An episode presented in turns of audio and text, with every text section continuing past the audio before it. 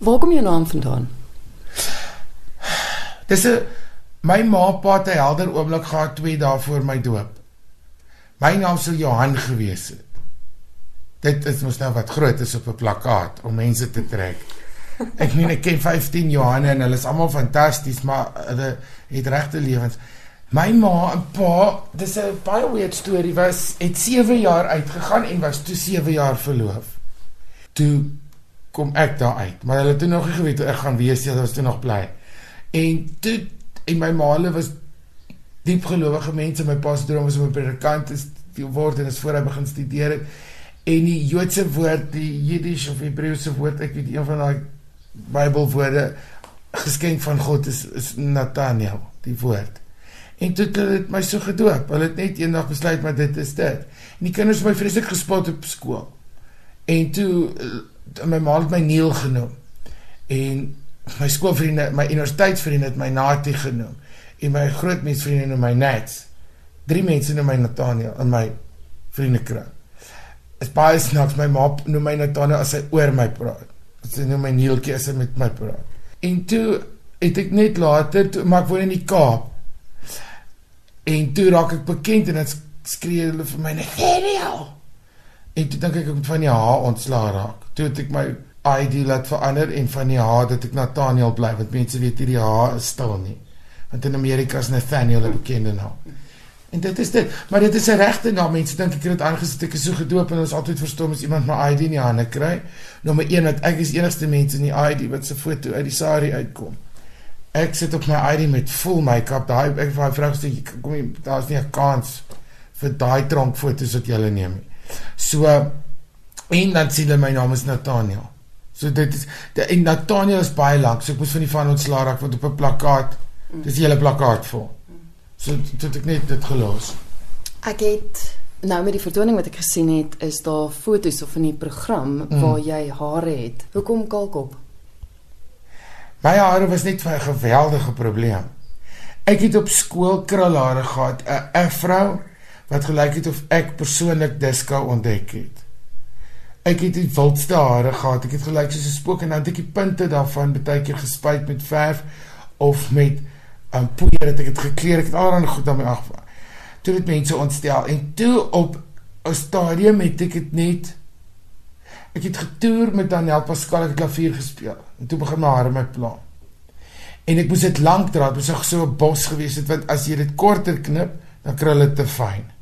Dan lyk ek so staalwol. Toe hulle het my die staalwol ekspres genoem op skool. En toe het ek dit begin gel. En toe later is daar net 3 wat ek gel en in hierdie vlegsteltjie dra. Toe besef ek maar of ek dit nou gaan my hare plat gel en of ek kaalkop is gaan presies dieselfde lyk. Like. Is dit my en toe my 10 jaar anniversary die aand in die Staatsteater. Toe het iemand my kop kom skeer. En van toe en toe word dit dis 'n baie weird ding as jy lewe sonder hare. En dit het deel met te doen met my minimalistiese met 'n minimalistiese lewenswyse. Dan is hare 'n baie eienaardige ding hier groei goed uit jou kop uit vir geen rede nie asof jy 'n potplant is. Dis dis net en nou gruwelik verskrik. As ek op die lughawe aankom, dan weet hulle al by die toonbank, hulle moet die seat langs my afboek. En ek het vir hulle gesê ek is allergies vir skalvers. Want mense met hare besigheid op hulle koppe en dan sak hy stoel mos half by die vlug. Ja. Dan moet ek sê verskoon my, maar ek gaan opgooi. Vat jou hare vorentoe jy lewe heeltemal sonder hare. Dit is net 'n eienaardige ding. En hare laat jou jong sonder hare laat jy jonger. Mans lyk like 100 met hierdie grys goed op hulle koppe en hierdie kwaste wat soos 'n hanswors om die kop gaan, maar daar's niks bo nie in al daai goed.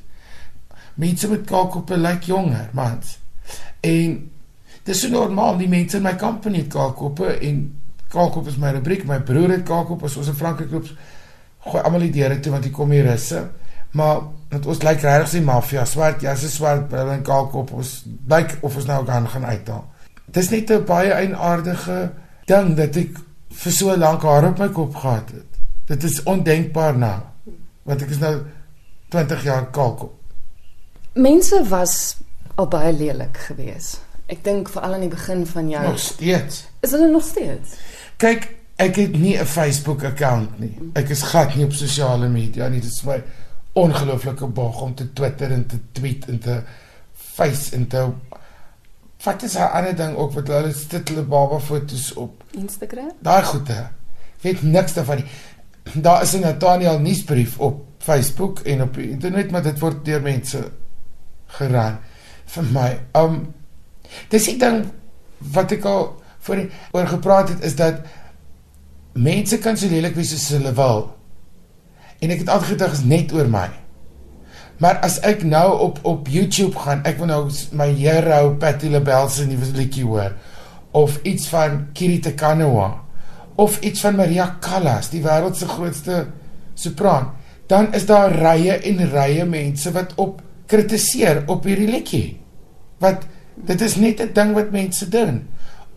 De, as jy kritiseer of lelik praat om 'n een, is dit oor die insecure voel jouself. En mense het gelukkig gesê die tyd om te sit en teef oor ander mense nie. Veral oor iets wat nie belangrik is nie. Soos 'n sanger, is van geen belang nie. Jy like dit of jy like dit nie, daar's 'n lewe wat aangaan. Ons entertainers het niks met die regte lewe te doen nie. Ons is net daar om verligting te verskaf, om jou vir 'n paar oomblikke weg te vat van die las van die dag. Ons is van geen belang nie.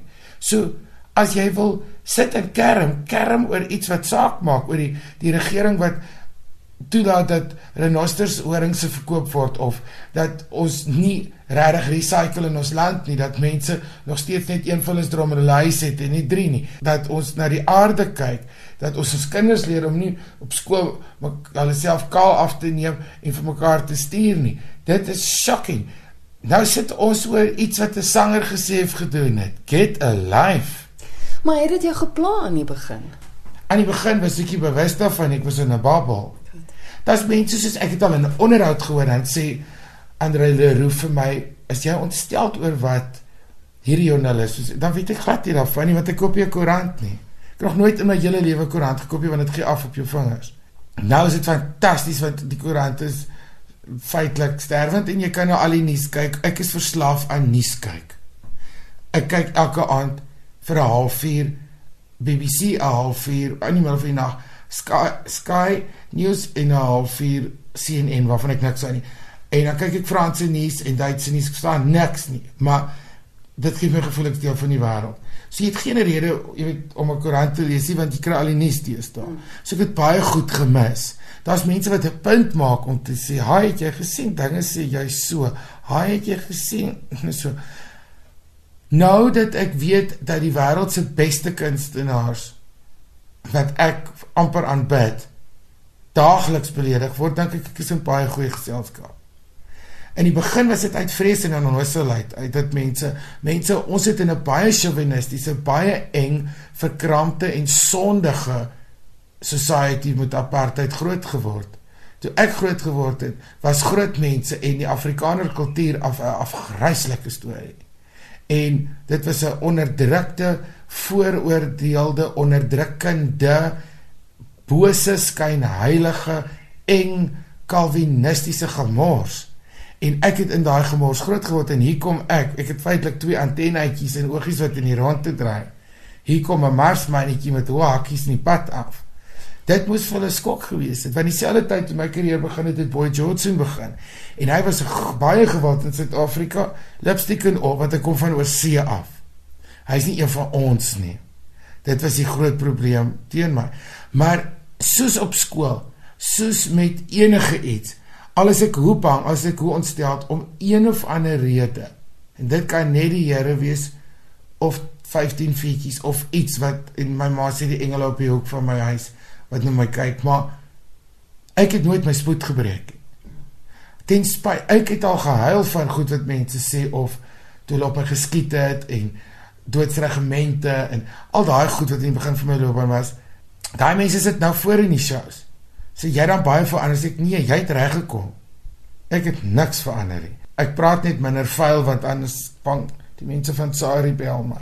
So ek praat ek het nog steeds 'n vuil back maak hom af by die huis. Dis dis 'n weird ding en daar's nog steeds en kyk ook as jy kyk na in general die ongelooflike swak smaak van die mensdom as jy kyk wat die gewildste kos en die gewildste musiek en die gewildste alles is in die wêreld, dan is dit vir my baie belangrik dat baie baie mense nie van my hou nie.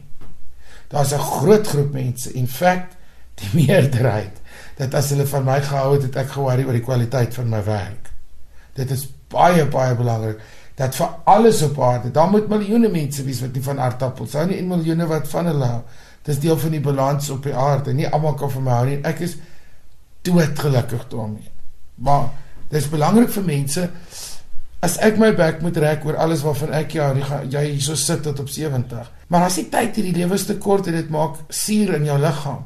Maar daar is mense wat klein lewentjies lei wat ongelukkig is in die huwelik, wat onderdruk word in die werksituasie, wat nie polities polities belangrik voel nie, wat nie kan ontsnap uit Suid-Afrika uit. Om een of ander rede is daar mense wat moet sleg sê. Dit is vir hulle belangrik en of soos my ouma sê, daai tannie sal brand in die hel, jy hoef nie nou al vir dit waarskynlik die Here se werk doen of ek steur my net hier. op ons Facebook ook. Ons het 'n filter. As jy een keer iets lelik gesê word, word jy permanent geblok. Ek my Facebook bladsy is 'n nuusblad. Net om te sê waar sing ek volgende. Dis nie vir 'n debat nie.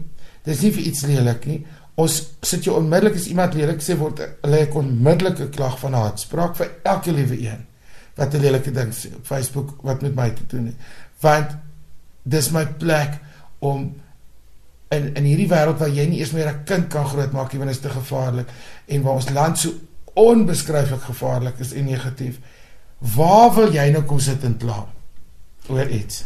Wat dink jy het verander? Want jy sê nou jy het nie verander nie, maar die ouens wat lelik was sit nou voor in jou waar daai skuif plaasgevind. Hoekom? Wel, ons het een van die mees vry nie dat dit gevolg word nie, maar een van die mees vrye constitutions op aarde. Die swart jeug en die nuwe generation is van die vryste op aarde en aanvang as jy in sekere dele van Johannesburg loop, hulle trek so 'n funky aan en hulle is so wild ek lyk like boring op my ergste. Staan so da, da en ook van dat realiteitstelevisie en die sosiale me, sosiale media daar is het mense moes iewers in hulle koppe agtergekom het. Daar's baie erger goed as ek. Daar's soveel skandes, soveel gemors het algemene entertainment geword dat my hele feit alles wat aan my aan my vreemd was is nou baie flou of doodgewoon. Jy kan net 'n halfuur na die Kardashians kyk of kyk na realiteitsprogramme om te weet hoe totaal goddeloos die aarde is en hoe totaal verlore en selfobsessed mense is.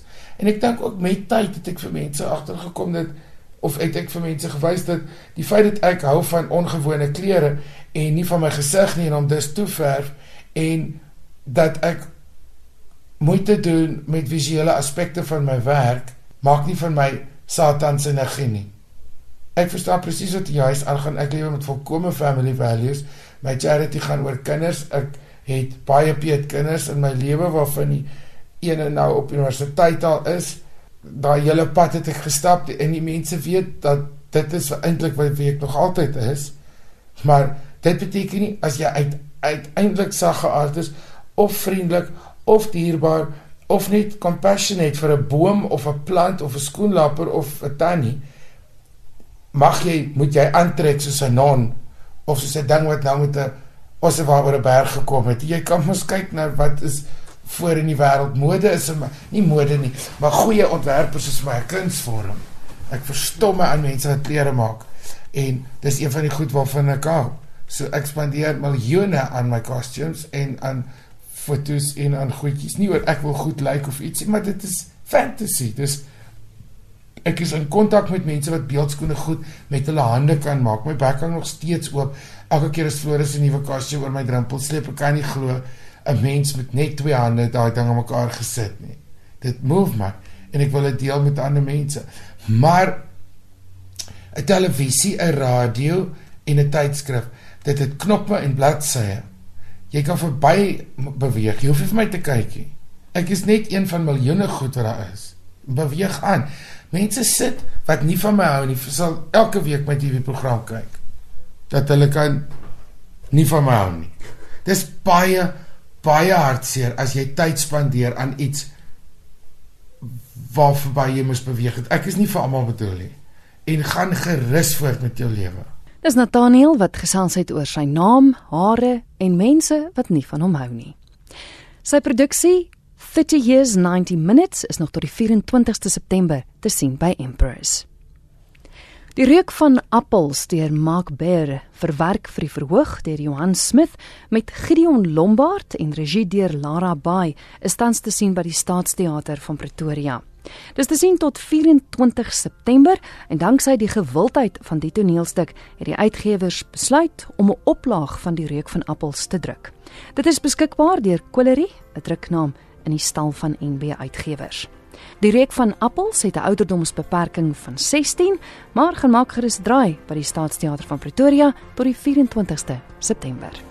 Onthou vir enige navrae as jy welkom om vir my e-pos te stuur. My e-posadres is kristel@rsg.co.za.